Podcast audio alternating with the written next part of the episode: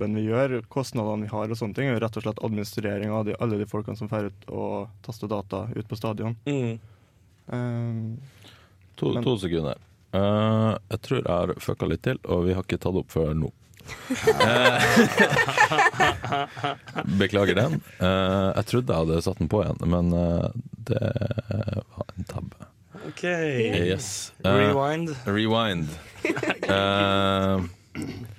Men nå, nå er vi inne i det. Nå er vi Ja, varme. ikke sant? Det her må bare teste dere. Jeg beklager det. Um,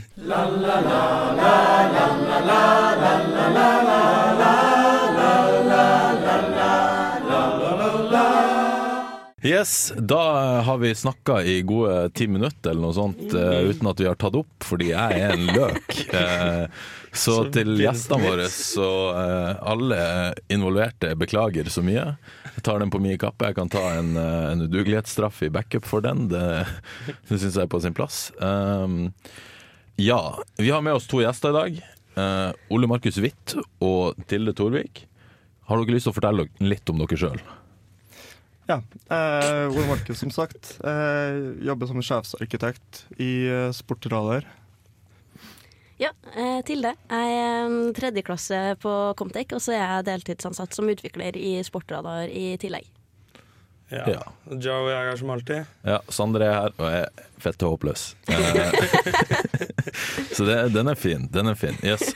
Eh, vi var jo litt inne på det tekniske nå, så skal vi ta, Fortsette litt der. Vi kan ta en liten rewind på liksom hva Hva er sportsradar? Ja. Og da Tilde Sjøgren. Ja, da Sportradar er et eh, selskap som starta her i Trondheim med noen NTNU-ere på tidlig 2000-tall. Eh, som på den tida baserte seg på ja, eh, hvordan man kunne digitalisere betting og hindre folk i å liksom jukse der, da. Eh, så nå har det da endt opp med å være en bedrift som holder til i veldig mange land. Samler inn veldig store mengder data om forskjellige sports... eh, Altså kamper, da, om det er fotball eller League of Legends eller ja, mye forskjellig. Altså det Samle inn data og selge dem til kunder da, som bruker dem til både statistikk, til, altså til kommentatorer og sånn. Kan også finne på å kjøpe um, de dataene vi har, da, og bruke det i sitt arbeid. Eh, VG Live er vi med å drifte også, så det er mye forskjellige mm, greier vi hjelper med som er sportsrelatert i kombinasjon med IT. Så Mye data, liksom, som, som er relevant for seere og journalister, da, ser jeg for meg. Ja. Og er. Bettingselskaper og alle Ja, som har med sport å gjøre, da. Mm. Mm. kult. Um, ja. Hvordan er det det samles inn den dataen her, da? Det, da har man i hovedsak sånn rundt 7000 sånne mennesker som ser på De får betalt for å dra på kamper og skrive inn det som skjer uh, as it happens. Så da oppdateres ting fryktelig fort um, i liksom databasene våre. Da. Og da selges den dataen videre, så kundene abonnerer på ting. Og når da en eh, som ser på kampen og plotter inn eh, det som skjer, har plotta det inn, så får kunden det med en gang. Så det er veldig Så det er derfor, når det blir straffe på Alfheim stadion i Tromsø, og jeg tenker at yes, nå skal jeg være smart og gå inn på mobilen kjapt og legge inn et, på at TIL skal skåre neste, så er allerede oddsen justert. Ja, det er, Det er dere mye som fakker meg. Ja, sorry. Ta, takk for den. Det Vet ikke hva jeg skal si annet enn beklager. jeg. Ja, nei, det er mye tapt fortjeneste der, så Kanskje det som er hensikten. De selger jo ikke til deg, vet du. Nei, ikke sant. Jeg er jo ikke, jeg er jo ikke målet her. Målet er jo bettingselskapene som skal tjene penger. Men det er mye data, da. Ja, i det hele tatt. Veldig mye mm, Ja, altså både ting som skal lagres og ting som skal behandles og Hmm. Ja, i det hele tatt. Ja, Du snakka litt om Trondheimskontoret. Ja. Det er jo der begge vi to holder til. Vi mm, jeg er der én dag i uka nå, Ole Markus er der eh, hele tida. Eh, Det er nå et eh, kontor på rundt 120 eller 130 ansatte. Der det er mm, ja, stort sett utvikling som foregår. Da. Det er vi som drifter mye av det tekniske i hele Sportradar. Selv om vi har kontorer i mm, veldig mange land, så er mye av, mye av det tekniske skjer nå her, da. Mm. Så det ja, er nå et eh, veldig hyggelig kontor å være på. Jeg møtte jo først Sporta der på IT-dagene i fjor, hadde egentlig ikke hørt om dem før, men jeg er nå veldig glad for at jeg fant ut at det finnes eh, store kontorer her i Trondheim eh, som ja, et alternativ til den der Oslo-gryta, da. Men Ole Markus, du, du nevner jo flere land her, og som sjefsarkitekt. Altså For meg så høres det ut som tidssoner. Yes, det stemmer bra, det. Ja. Så i dag eksempel har jeg et møte som eh, Det er et totimersmøte. Men én time foregår da i det som er komfortabelt for oss, eh, sånn tre til fire. Og den andre delen av det møtet i det som er mer komfortabelt for f.eks. Minneapolis og San Francisco, som er fra klokka sju til åtte. Og det går fint med samboer og barn og hele pakka, da. Og Ja, det er jo eh, til en viss grad også det som har lagt eh, premissene for når møter skjer. For eh, mellom klokka fire og klokka sju, det er hellig tid for meg. Da er det mm. familie og barn som, eh, som teller. ja. Så samboeren din er tålmodig. Hun er tålmodig. Eh, hun jobber som eh, konsulent uh, sjøl, eh, ja, Okay, så hun vet hvordan det er. det, hun gjør det. Men du må ikke ha noen møter sånn grytidlig på morgenen eller på natta eller noe sånt? Vi er, vi er litt heldige der. Eh, vi har jo en del eh, kontor og sånne ting i f.eks. Singapore som kunne ha ført til en sånn situasjon, men eh, har sluppet billig unna så langt. Det kan jo Mm. endre seg i framtida. Nå satser vi på at det, det fortsetter på denne måten. Da. For jeg ser for meg det å stå opp klokka tre på natta for å, for å ringe Singapore. Da blir du en upopulær mann hjemme. Vekker både ungen og kona. Ja. Eh, Han blir fort å sove på sofaen de nettene, ser jeg for meg. Det skal sies at vi jobber jo mye med, med sporter i USA. Mm. Og mm. f.eks. en typisk NBA-kamp starter jo klokka to på natta. Og da må det være folk på jobb som ja. kanskje følger med. Nå snakker du Joey sitt språk. Ja, nei, jeg veldig fan av basket. Han Så eh, eksamensperioden er dårlig, for da har plutselig ingen Ja, ingenting jeg egentlig skal, annet enn å lese. Så ja. det er veldig lett å snu døgnet, for da er det er jo playoffs også. Det er sluttspill i NB, og da blir det sene, sene kvelder. Det er Sånn det blir, da. Mm. Men du har jo vært eliteseriespiller i Norge i basket, Oi. eh, Joy. Så du er jo, jeg vil jo si over, godt over gjennomsnittet interessert og eh, dyktig i basket. Takk, Sander. Ja. Bedre enn meg, i hvert fall. Det kan også være-. Det kan også være fordi du har sånn 22 cm på meg, men ja. Kan jeg jo skyte inn at vi er offisiell dataleverandør for NBA. Så vi jobber det er fett. Det er fett.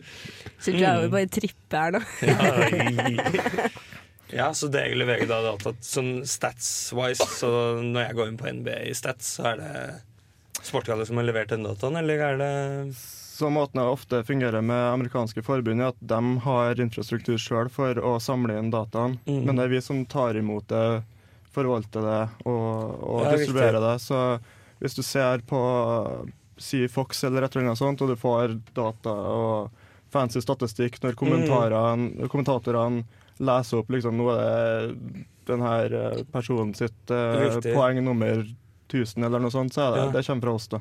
Ja, Og altså, de har det er ikke, For jeg, jeg har alltid sett for meg at nå har de sittet ned i sånn tolv timer før, eh, før kampen og liksom bare leita seg gjennom potensielt relevante statistikker. Og så har de skrevet det ned på et ark, og så har de det foran seg. Det er ikke sånn det fungerer lenger. Det er ikke det. Så de gjør veldig mye forarbeid, absolutt. Eh, men det er, vi bygger et sånn kaller det researcher-verktøy, der okay. hvor alle de dataene havner inn, og der hvor det dukker opp eh, milepæler og alt mulig sånne ting. Så du får liksom en pop-up midt i kampen. Ja. da Og I tillegg så har vi eksperter sjøl som de er på en måte på telefon med, bortimot, Mm. som driver og sender dem at nå må dere si det her, og nå kan dere si det her. Og Du har akkurat knust alle forestillinger jeg hadde om, om TV-kommentatorer. Ja. De Ja, gjør en veldig god jobb uansett, da, det må jo sies. Jo, jo. Men- Mm. Ja, mye sånn stats er jo Det er veldig spesifikt. Det er Ja. mye forskjellige ting. Så dette her er den tredje kampen hans eh, Ja. Eller det er første gang siden 1980 at en spiller har skåret så og så mye de tre første kampene. Og, Ja. Jeg, jeg føler det er veldig sånn typisk sånt, typisk amerikansk sport å ha sånn latterlig spesifikke ting. Det her, er sånn, jeg følger jo mye med på UFC, da, og det er sånn Ja, han her er den eh, Den mellomvektsfighteren som er aktiv, som har et tredje flest eh, slag i en runde. Liksom. Bare sånn helt latterlig spesifikke statistikker som skal få det til å virke som de er litt bedre enn de kanskje er. Nesten sånn at det er mer, mer usannsynlig at det skulle ha skjedd i det hele tatt, enn at det Ja, ja, Har skjedd ja, og så er det så spesifikt. ikke sant? Ja. Man kan jo finne sånn om alt. mm. Men da er det jo da, ja, så det er sportgrader som eh, supplerer den dataen. da Ja. Og verktøy for å finne det. ja, Det er jo veldig kult. Um, på den tekniske siden, hvordan er det dere har bygd opp dette verktøyet og dette her Ja. all denne teknologien, da. Ja, så det er jo mye av det som, som ligger i det å være, eh, være arkitekt og sånn, og på en Mm. måte strukturere alt det her. da. Så i Trondheim så er jo eh, fokuset vårt å forvalte dataen, så det er vi som tar imot dataen fra forbundet og sånne ting, og så tilbyr vi det til andre produkt. Mm. Så vi kan si vi har en massiv database med all den statistikken og sånne ting. Og så er det, for, for det researcherverktøyet, så er et team i San Francisco som Mm. tar inn den dataen og bygger en søkeindeks som gjør det lett å drive og finne masse sånne milepæler Ja, og, alt det der. Og så tilbyr de kanskje de dataene direkte i et interface for en journalist eller for en researcher. Eller Mm. de kan eksponere de dataene igjen som et API til et annet produkt som bygger mer på det. da. Riktig. Så Så det er massivt eh, komplisert system. Det er da. ekstremt komplisert. Masse som er klatta på, men uh, Ja, det er det, ja. sånn, er, sånn blir det jo. sånn blir det. Ja. sånn eh, teknologi-wise, eh, hva er det dere bruker, eller hva er det dere bruker nå, da, når dere skal liksom lage nye, nye features og nye deler av systemet?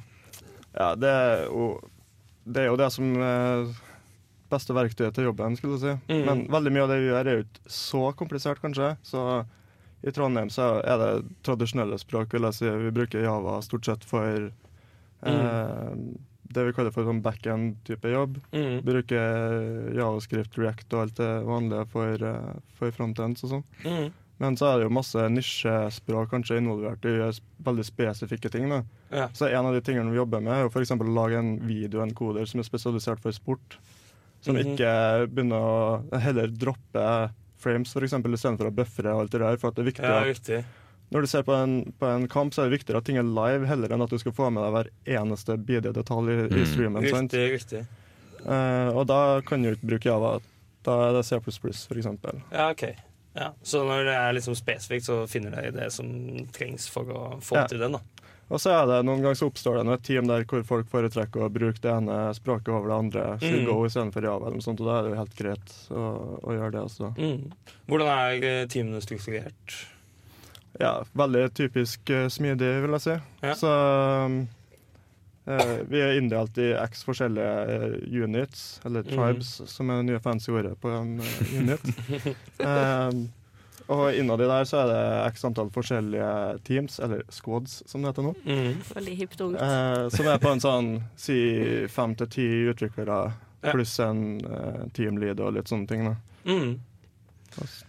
Men ja, siden du har jo da litt sånn overordnet bilde av eh, hva dere gjør eh, Mm. på teknisk siden. Tilde, du er jo nå deltidsutvikler. Ja, Kan du fortelle litt om hva du gjør den ene dagen i uka?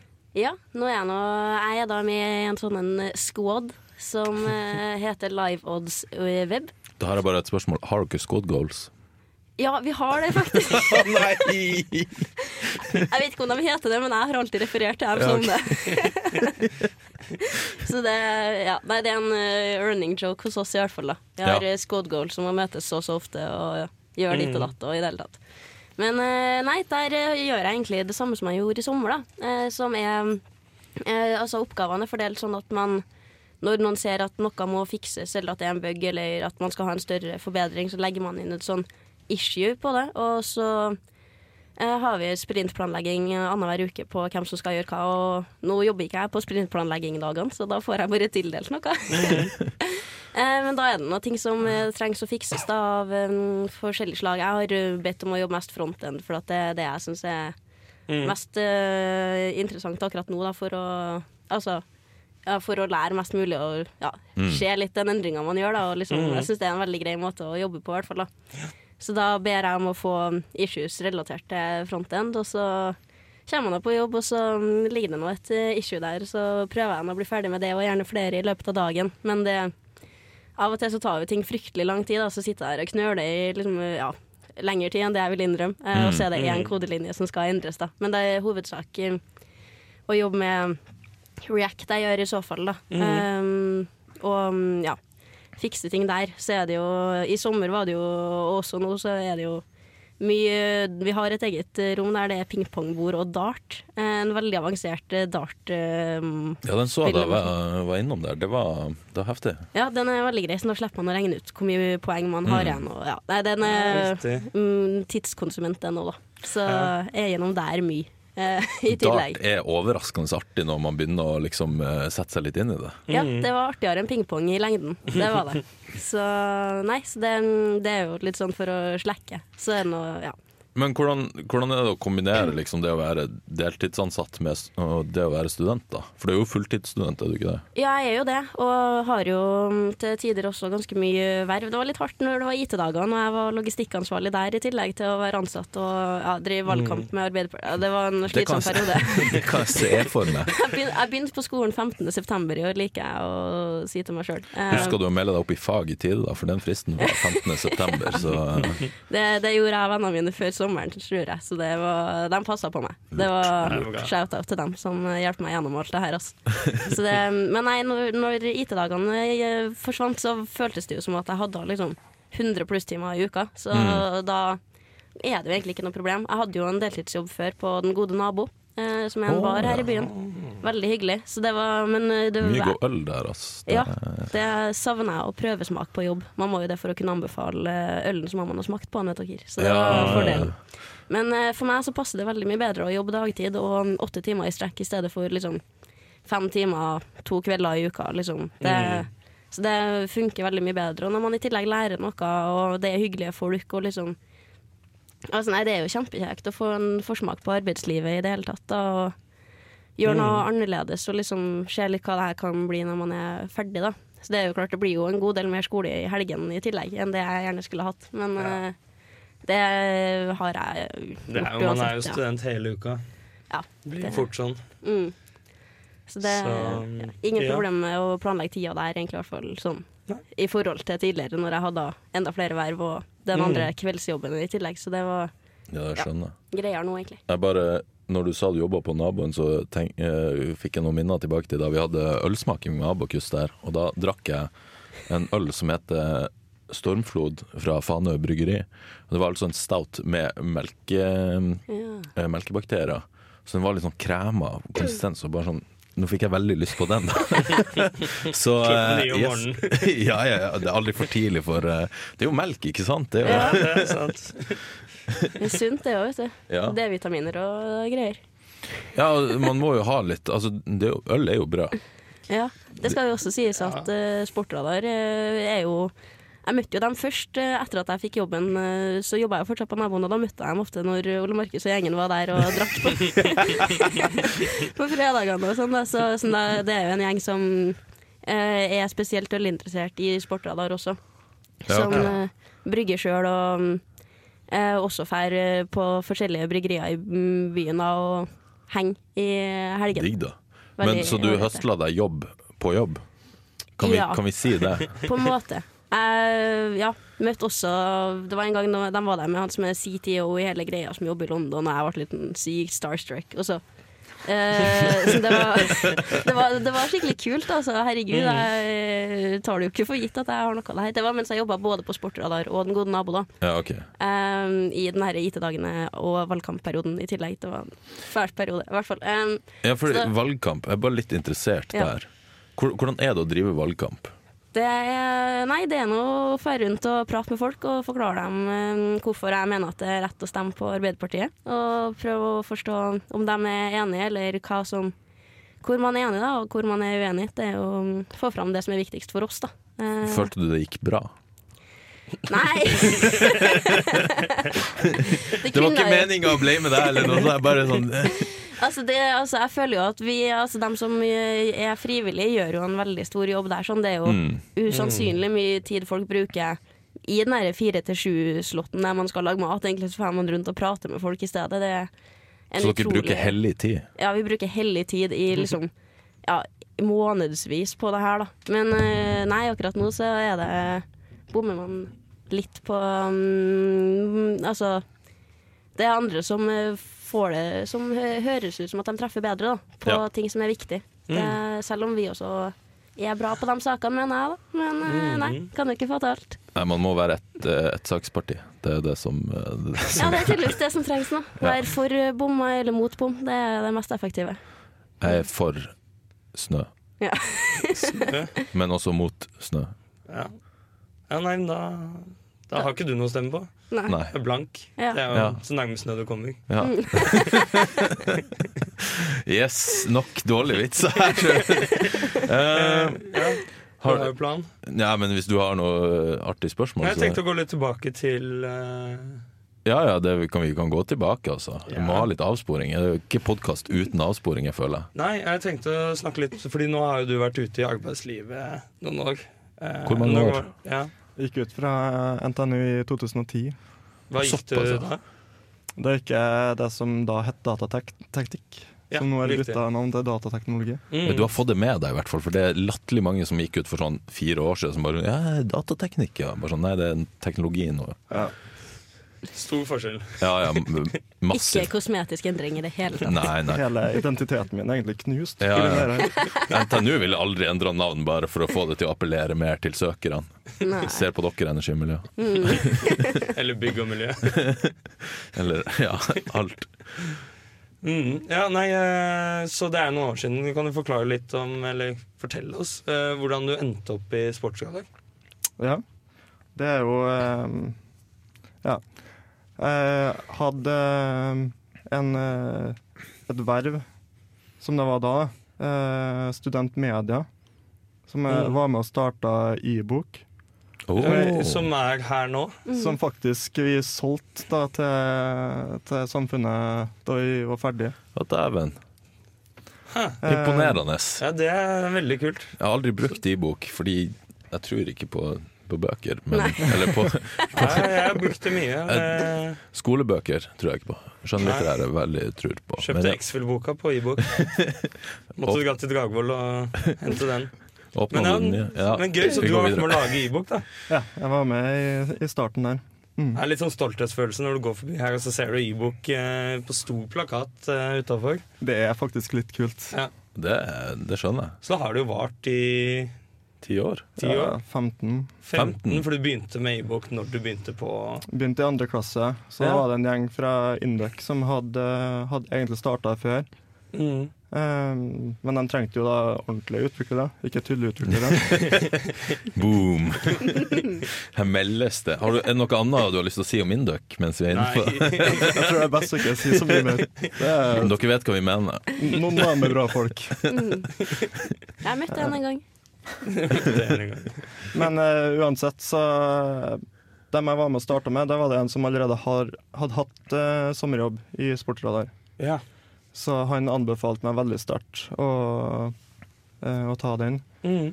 Så for det første er det jo De, de sier at i- de var på hyttedagene i, i ti år, så er det jo faktisk mye mer enn det. For jeg har jo også sjøl møtt dem på hyttedagene. Eh, men jeg syns det var så er betting og litt sånn, det, det var litt sånn jalla. Mm. Eh, det var ganske mye mer tabu rundt betting da jeg gikk på NTNU enn i dag. Riktig. Eh, så jeg holdt meg litt unna dem. Men så ble jeg veldig varmt eh, anbefalt å ta sommerjobb der. Mm. Så jeg gjorde det. Så jeg hadde faktisk to, eh, to sommerjobber der. Og så skrev jeg master for dem. Og så begynte jeg fulltid eh, da var ferdig med student. Hva du skrev du master om? Ja. eh, når du disser Dragvoll litt der.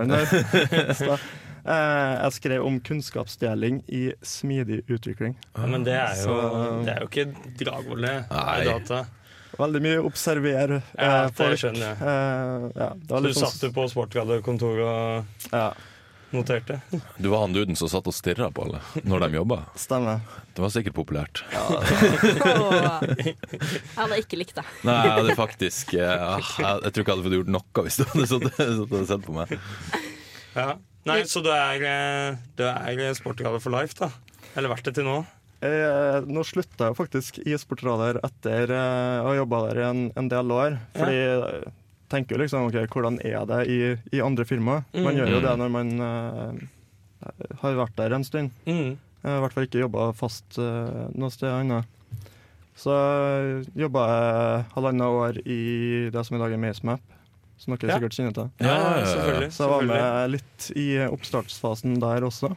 Mm. Men eh, du kan si personlig for meg, som er, er arkitekt av natur, Mm. det å jobbe i et ja, fem-seksmannsteam Ja. eh, Ting tar veldig lang tid, fordi du er jo alltid avhengig av å få funding og alt sånne ting et Mm. oppstartsfirma. eh, da begynte ting å gå litt, litt trått for Ja. min del. Så da var jeg tilbake til sportsradar, som er ja, litt i den her bettingbransjen. Litt for mye penger, ting går litt for fort, men det er mye kulere, uh, Mm. syns jeg. Ja, riktig. riktig. En større utfordring å ja, få gjort litt mer litt fortere, da. Ja, Det er det Eh, Mm. I hvert fall når man er arkitekt, vil være tidlig inn og så bli ferdig med det prosjektet. egentlig når alle, Det dukker opp ting som bugs og litt sånn, ting begynner å bli Mm. litt kjipere. da. Da er det Mm. best å bare hive seg ut av det prosjektet og begynne på noe nytt. Så Riktig. Det får man jo ganske mye muligheter til når man jobber i noe som er litt større. da. Mm. Mm. Mm. Ja, fordi MaceMap er jo veldig sånn Altså det er jo et veldig fint produkt. Men det er jo ikke sånn at, at campusene endrer seg så sykt fort, da, kan man si. Nei, men det er jo det er jo mye som jobbes der. Ja, det er det sikkert. Det er det. Og det er jo f.eks. når NTNU ble mer enn bare Gløshaugen og Dragvoll, så var det jo mye jobb, sikkert, Mm. som Ja, måtte gjøres ja, der. ja. I tillegg så de utvider jo til flere land, og de har jo masse Mm. aktivitet i Australia og, Mm. og, og sånne ting, så det, er jo, det, det skjer jo definitivt ting der, men du kan si produktet og sånne ting er jo det samme. Du, du er litt mer sånn eh, avhengig av å tilfredsstille de få store kundene man har, da, så da blir jo veldig mye hive seg rundt, gjøre noe veldig Mm. spesifikt for dem Mm. som et prosjekt, og så kanskje blir det mye legacy pga. det, som gjør at man ikke klarer å skalere videre på andre ting og sånne ting. Mm. Ja, for det lurer jeg litt på. Kan dere, hvis, hvis det er noen som brenner skikkelig for en sport, kan de be om å spesifikt få jobbe opp mot den sporten, eller jobber alle sånn generelt med alle, alle ting, da? Ja, det, det er definitivt mange som har vært veldig gira i å med spesifikke sporter og fått mulighet til å være med i de prosjektene vi har som er mot dem, f.eks. Mm. NB. Vi har en fyr Mm. som er ekstremt basketfan, vi òg. Og han har vært involvert i litt forskjellige ting som går på NB. Mm. Og e-sport ble jo en ting i løpet av de siste fem-seks årene. Mm. Så da var det jo en, eh, en som var veldig engasjert i det, som var med egentlig starta satsinga vår eh, fra IT-perspektiv Mm. på e-sport. Ja. Kult. Det er Veldig veldig kult. kult. Veldig kult. Uh, ja, som arkitekt, da. um, kan du forklare litt sånn hva den stillingen innebærer sånn faktisk arbeidsmessig, da. Ja, for det er litt abstrakt for meg òg, egentlig. Det, det er veldig abstrakt. Det er litt av problemet med å forklare. Det er alltid sånn her, Hvis du er en utvikler, så kan du alltid si at du er en utvikler, og folk skjønner hva det er for noe. Mm. Når du er en arkitekt, så blir det litt mer sånn eh, Hva er det? For det i seg sjøl er jo bare en veldig merkelig eh, metafor på arkitekt fra, fra ingeniørfag. Sant? Mm. Det, det, Ja. det går jo i bokser og piler, og det går i liksom ha møter, forstå problemstillinger. Eh, ja. Mm.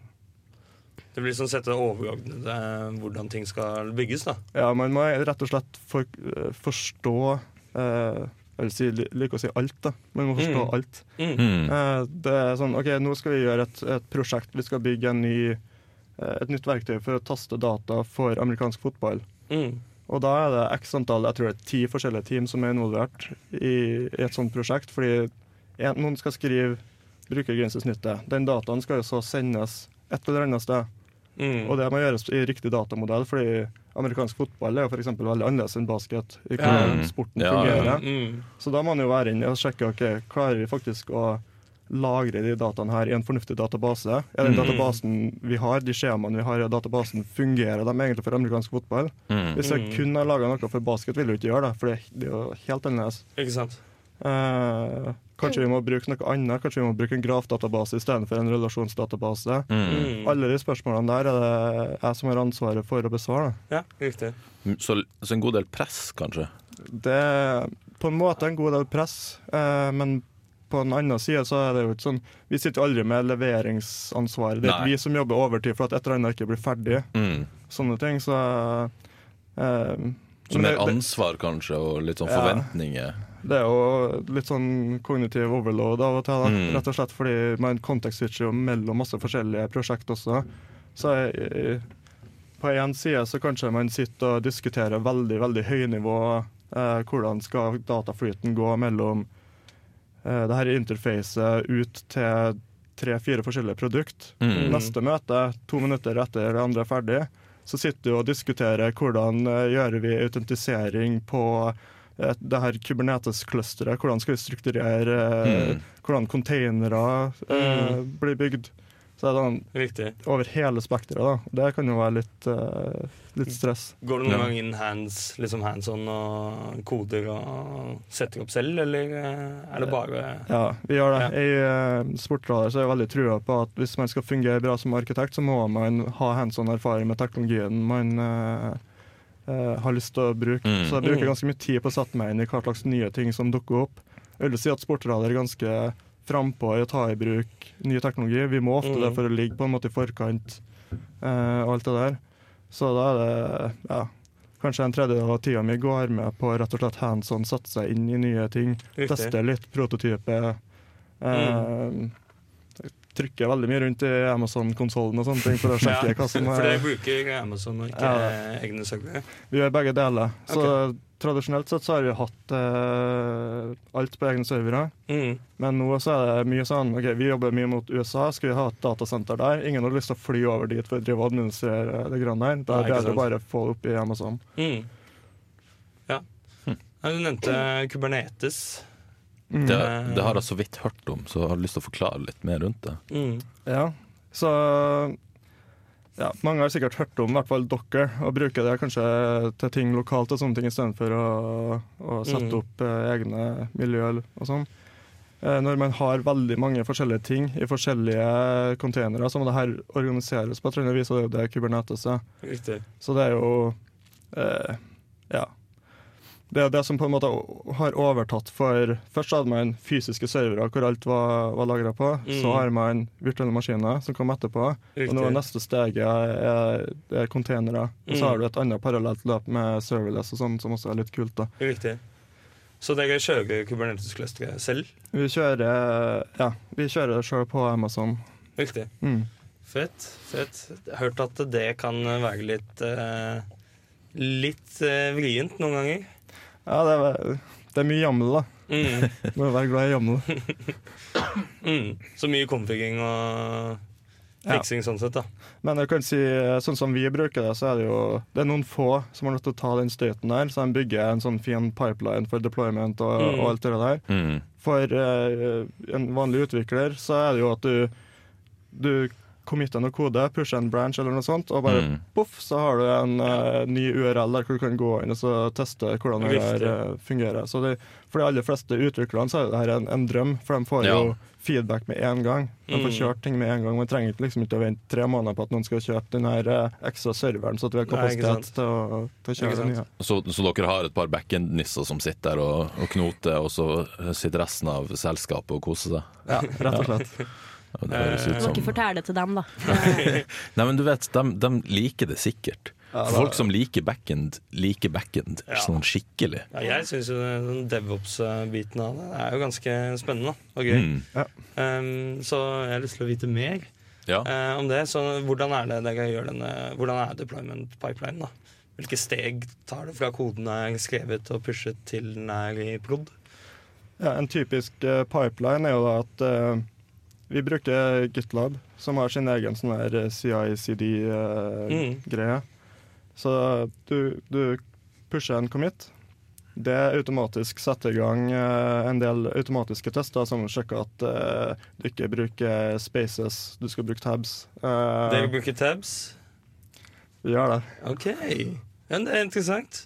Ja, kult. Eh, sjekke at eh, ja, si javascript-koden er riktig formatert. Mm. Eh, den gjør eh, Sjekke at alle bibliotekene er som høvelig up to date. At Mm. ikke har noen store sikkerhetsproblem med bibliotekene vi bruker. Eh, ja, masse sånne ting. Og så blir koden bygd. Ja. Så ender du opp f.eks. med en, med en jar-fil. Ja. Og så blir en container typisk bygd med Mm. den jar-fila i, med det skriptet som starter Mm. eh, applikasjonen og hele greia der.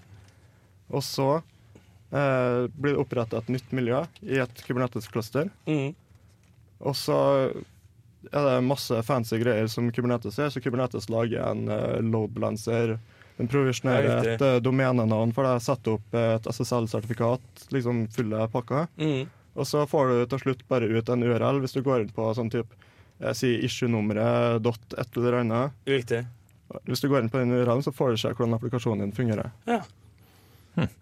Fett. Det er jo Ja, det blir jo deilig for utviklerne. Ja, jeg har ikke merka noe til hvor komplisert alt det der var. Jeg bare trodde det var sånn det funka. Ja, men det er da, da du vet du har et godt verktøy, da. Mm. Når, når det bare er en black, eh, blackbox som funker. Ja, det funker veldig godt eh, for min del, i hvert fall. Det er veldig irriterende når eh, testene ryker og sånn, men ellers når jeg har skrevet noe som ikke tilfredsstiller dem. Men uh, veldig gøyalt å få sånne grønne checkboxer som vi får når eh, man tilfredsstiller alt det der. Ja. Det er chill. Fett. Grønt er, Jeg er grønnblind, da, så det, grønt kan være så mangt for min del.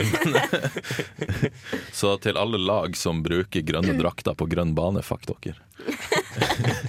Da ser du ikke spillerne. Nei, Det tar et lite sekund ekstra. Så hvis jeg spiller Fifa, eksempel, så er det, det er en god Så måte nå, å da vet man hvordan man skal slå deg. ja, ja. Eh, ikke at jeg er så veldig god heller, så du kan bare være bedre med òg. Det, det skal ikke så mye til. Men da har du noe å skylde på, i hvert fall, hvis du taper. jeg har ei unnskyldning. Ja. Det er lurt, det. Eh, har dere noen hobbyprosjekter eller sånn ved siden av te eh, jobben, eller noen teknologier sånn, som ikke nødvendigvis er jobbrelatert, som dere liker å fikle litt med? Ja, jeg kan jo skyte med det som møtte meg første uka jeg starta på jobben, var at man har to, en gang i året sånn, en sånn dag der man bare mm, får satt av at i dag får du betalt for å gjøre hobbyprosjekt. Mm. Ja. Så da er det liksom, da har man brukt litt tid på å liksom planlegge litt sånne forskjellige kaller, Man skaper et problem som man har lyst til å løse. Da, sånn for eksempel eh, jeg var med på, Vi syntes det var så kjedelig, jeg var nødt til å gå inn på Facebook til kantina og sjekke hva det var til lunsj i dag. Ja, Så vi, mm, vi gikk inn for å lage en Slack-bot som kunne sende det på Slack, så du slapp å liksom Ja. Så det er noe sånn eh, hobbyprosjekt. Så kan man lære seg litt uh, Kubernetes og ja, greier i tillegg, da. Så det, da er det helt opp til en sjøl om man har lyst til å lage noe sjøl, eller bare jazze litt rundt. uh, altså Så man får noe betalt for å holde på med noe man Ja. eh, ikke, ja, som ikke trenger å fungere, men som kan fungere. Jeg brukte Mm. mye av eh, tida mi i sommer på å videreføre et av de prosjektene her også, sånn, siden Mm. det funka liksom litt. Og så fikk jeg som sommeransatt i oppgave å prøve å få det til å fungere litt bedre. Har ikke Mm. sett så mye mer til Jeg feila litt, men, eh, men eh, jeg skal vel ta det opp litt senere, når noen som kan litt mer av back-end-delen av det, kan Ja. se på det. Så det var mer der jeg kom til kort, da. Mm. Det er kult, da. Ja, mens de eh, oppfordrer jo definitivt til sånt, så det er kult. Det, du har kanskje nå vært med på noen, noen av de her arrangementene før du også har sett litt hva det kan bli? Ja, det er jo det er mye interessant der. Det er jo både som du sier, ting som er eh, si en gruppe som er veldig interessert i AI, bare satt seg ned og laga noe kult med det, som til slutt Mm. endte opp i produksjon. Ja, fett. Ja. Eh, til den her eh, nevnte Dart-tavla med Ja, eh, masse. LED-lys og scoring og alt det der. Det er jo noen som har holdt på med det her prosjektet i par-tre år. Ja, heftig. Men har de da sittet og sett på dartturneringer mens de har drevet på med det? Dart-turnering og eh, ja, kanskje vært noe øl involvert. Da, hvem vet. Ja, det Ja, nei, eh, For de som liker dart, da, så er det en bar i Oslo Ja, der har jeg som heter eh, Okke eller Otche. Ja, Eh, og de har jo sånn type automatisert system. Da, så det blir litt sånn som bowling. der Hvor du sommer. får sånn animasjoner, og hvis du treffer bra, så Og så har du forskjellige typer spill da og sånn. Ja. uh, jeg ble mobba for dartteknikken min av alle kompisene jeg var der med. Uh, for den er tydeligvis merkelig. Du er underhånds. Nei, jeg kaster, men den har sånn, den har sånn rar dupp. Nå driver Det er bra podkasting, driver og demonstrerer, liksom. Men den dupper litt sånn rart på slutten. Ja. Uh, Jeg ja. samme problem i sommer, jeg også. Det, Ja. Fikk mye, mye hate for det en ja. Mm. Men man treffer jo iblant. Ja. Så eh, Sikte på midten. Nei, nei, du må sikte på trippel 20. Det er jo pro, pro Nei, hvis man er sånn midt på treet, så må man sikte på 19, eller noe sånt. der sånn. For da er det mindre sjanse for å treffe eneren, siden eneren er kjip. Nei, men du må gå for gull alltid. Det tenker jeg at uh, her, her, her setter, vi, setter vi lista. Mm, mm. Men uh, du har jo kone og barn, så det blir kanskje ikke så mye på fritiden, da. Jo da, for alltids til, til en del. Eh, som Tilde sa, så møtte jo på oss stadig vekk på naboen. så vi er jo en gjeng som er interessert i øl. Som eh, Ja, vi har en litt sånn snikete greie her. Med klokka eh, tre på fredag Ja. så får eh, de som har barn i barnehagen, ut, tar én liten øl. så får jeg hente etterpå. Ok, men Så dere drikker en enhet og venter en time, og så kjører bil? Det er ikke noe kjøring involvert okay. der. Eh, heldigvis. Da må, må bare, må bare bare blunke. Men jeg har faktisk hørt at hvis du drikker én en enhet og så venter en time, så forbrenner du alkoholen. Ja, det tror jeg ikke på. Jeg vil ikke anbefale å prøve den metoden Nei. her. Nei. Uh, hvis det er noen som vet det sikkert, si fra.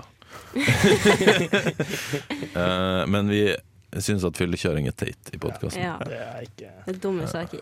Ja. Mm. Ellers så er det jo mye andre ting som foregår i sportsradar på kveldstida, der hvor jeg får eh, litt tillatelse til å, å delta på.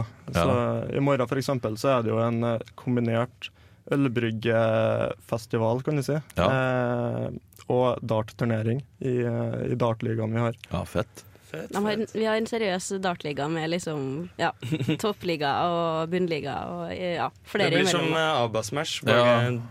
I, i Abokus eh, så er Super Smash Bros det er folkesport. Ja. Eh, Så vi har eh, hvert semester så har vi turnering, og det er altså det er sjelden du kommer inn på linjeforeningskontoret og det ikke sitter minst fire stykk og spiller. Mm. Så Mm. det Så det blir ja, Smash er vår dart. Ja. Ja. Vi trenger bare litt øl til Smash. Ja, det hadde vært noe. Det kan vi fikse. Abba Ja. Brygg tar den. Ja. Er de oppe og kjører nå? Nei. Nei, de var, de var vel De har vært litt sånn av og på. det var vel bæsj det 1 og var- bæsj 2 som var pådriverne der, så eh, når de de er jo ferdige ferdig nå, så Ja. da ble det, ble det munning. ja. Så det er et uh, vakuum der som uh, vil fylles. Så hvis noen er interessert i ølbrygg, så Jeg er interessert i å drikke ølbrygg, så noen som kan brygge øl som jeg kan drikke. mm. Please. Jeg slenger meg på denne. Ja. Det, Um, er det noe dere skulle Eller Ole Markus, det blir mer til deg, kanskje. Men noe Men til for så vidt litt til deg òg. noe dere skulle ønske dere hadde fokusert mer på som studenter? Sånn eh, at, at kanskje at det var mer fokus på det fra studiesida, eller at du fokuserte mer på det som person? Jeg vil jo egentlig si at jeg føler jeg traff ganske bra med hva jeg valgte å gjøre i løpet av studiet. Mm. Nevnte jo at jeg var med i og starta i-bok og alt det der. Du har jo gjort en del veldig relevante ting. Ja, Kanskje mer enn gjennomsnittet, vil jeg tørre å påstå.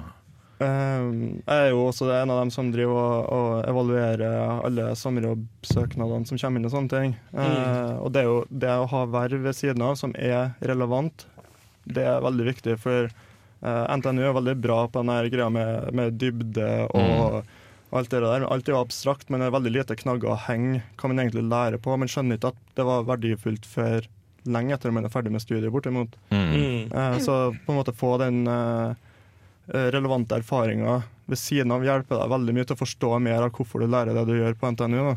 Mm. Så det vil jeg absolutt eh, anbefale. I tillegg, hvis du har mulighet til å ta et år utveksling, så gjør det. Og gjerne velg noe som er litt ukomfortabelt. Så jeg selv valgte å dra til, til Singapore Mm. for Mm. å bare prøve noe som var helt forskjellig enn det å være student i Norge, og det har jeg også vært veldig fornøyd med i hjertetida. Hvordan var det å ikke tygge tyggis på et år? Ja, Singapore er jo litt interessant eh, sånn sett. da. Ja. Hvis du ikke er fra Singapore, så kan du nesten gjøre hva du vil oh, okay. eh, når det gjelder de reglene der. Hvis man er lokal, da kan man ikke gå eh, på rødt over gata. Det er ikke greit. Shit. men hva, fordi de ser liksom hvem som Eller er det sånn sosialt poengsystem der også, eller hvordan eh, Nei, nei. Altså, alle de reglene de har, handler jo mest om å vise eh, til vestlige firmaer at det er et eh, trygt og fint sted Mm. å være. Så det egentlig handler bare om å Altså, det er ikke det samme regimet som man finner i Kina, eller noe Nei, sånt. Det er bare veldig streng, strengt angående forsøpling og sånn, etter Ja. det jeg har hørt. Det, skal se fint ut der Mm. når man er der på besøk, rett og slett. Riktig. mm. Ja. Ja, så litt Til, eh, praktisk ved siden av studie Ja. og utveksling er det som anbefales. Ja, absolutt. Ja, Ja, jeg kan tenke tenkte jeg skulle skyte inn med det jeg har eh, lært av litt sommerjobb og litt eh, det her også, er jo det å verdsette eh, som student det å ikke må opp klokka åtte. Eller det er jo noe man eh, ikke skjønner sikkert før man alltid må opp før åtte. Eh, det merka jeg i hvert fall at var godt når jeg begynte å studere igjen, men det er jo Altså det er godt å ha struktur og dra hjem klokka fire, Mm. og så er du liksom ferdig. Men du må jo da også opp før åtte. Så det er litt sånn Mm. det å klare å sette pris på begge deler har jeg blitt flinkere til å forstå nå når jeg har begge deler. da. Så det er vel den erfaringa. Jeg har slutta å irritere meg over eh, eh, ja, det å sitte sent når jeg også starter sent. For min del så er ikke problemet det å sitte sent. Problemet er at du har den øvinga hengende over hodet ditt gjennom helga. og gjennom feriene Mm. og gjennom alt. Mm. Det er hovedproblemet mitt som student, at det er liksom, det, du er aldri ferdig. Mens ja, for deg så er det jo kanskje ikke sånn, for du er jo aldri ferdig fordi du må ha møter på kvelden og tidlig på morgenen. Men for, for en som jobber åtte til fire, så er liksom, kommer du hjem og så er du ferdig på jobb, da.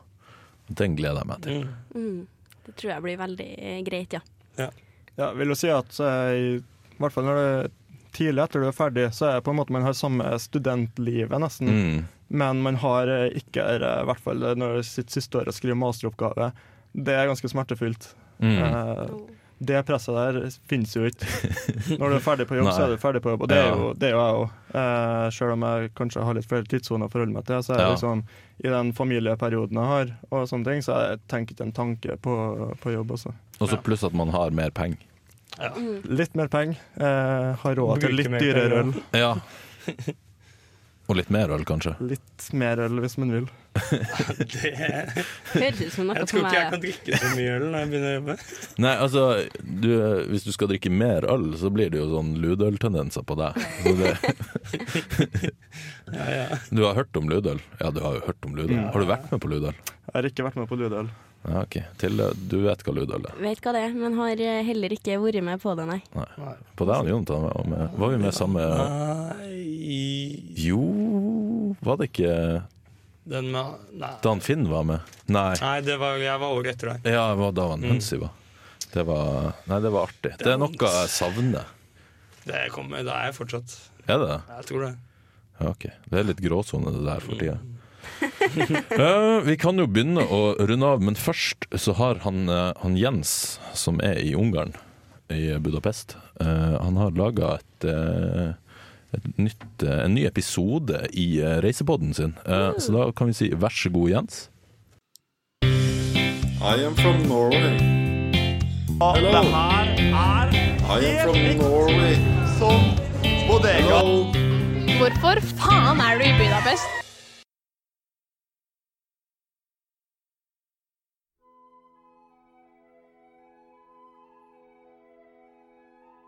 God dag, kjære lyttere. Denne podkasten tar en litt brå vending, for nå skal vi introdusere temaer. Foreløpig har det bare vært eh, snakk om hva vi har gjort, og tilfeldige ting som har skjedd. Men jeg har funnet for å gjøre det litt mer spennende, så skal vi ha temaer i denne podkasten. Og det temaet, det skal jeg introdusere nå. Det er mange som bekymrer seg for å dra på utveksling når de har kjæreste. Mange finner, finner sin kjæreste i studenttiden. Og da kan det være vanskelig når man skal dra på utveksling. Vi har derfor valgt å fokusere på kjærlighet i denne episoden. Hvordan er det egentlig å ha kjæreste og dra på Erasmus-utveksling? Hva sier de hjemme? Hva skal man gjøre her?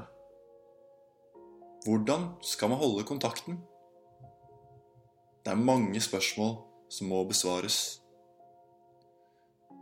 Og i løpet av denne podkasten skal jeg få et lite innblikk i de som står i disse problemstillingene hver dag. Det er vanskelig å få noen til å prate om akkurat dette temaet. Og det forstår jeg, for det kan være veldig sårt. Men som en gravende journalist har jeg skjønt at dette er en av mine arbeidsoppgaver. Jeg skal derfor ut i Budapest for å få folk til å snakke om meg om den vanskelige tiden her, borte fra sine kjære hjemme. No, you hate me. No, I don't, I don't hate anyone. No, except except from friendship. You don't think so? Why do we have to chill down? Oh, No! It's episode three. It's episode three. I need the material for episode three. you tried yesterday. Yeah, I'm trying today as well. I won. Well, it's not working with What me. episode? It's about love. Yeah, I'm trying to do episode. No, it's so It's an important episode. How is your love life? My life right now. I'm not, I'm not gonna fucking answer in English. I'm not gonna. What the fuck am I doing it for? Tell me more. About what? About Christian. Huh? About Christian. There's nothing I'm gonna say about her. Why?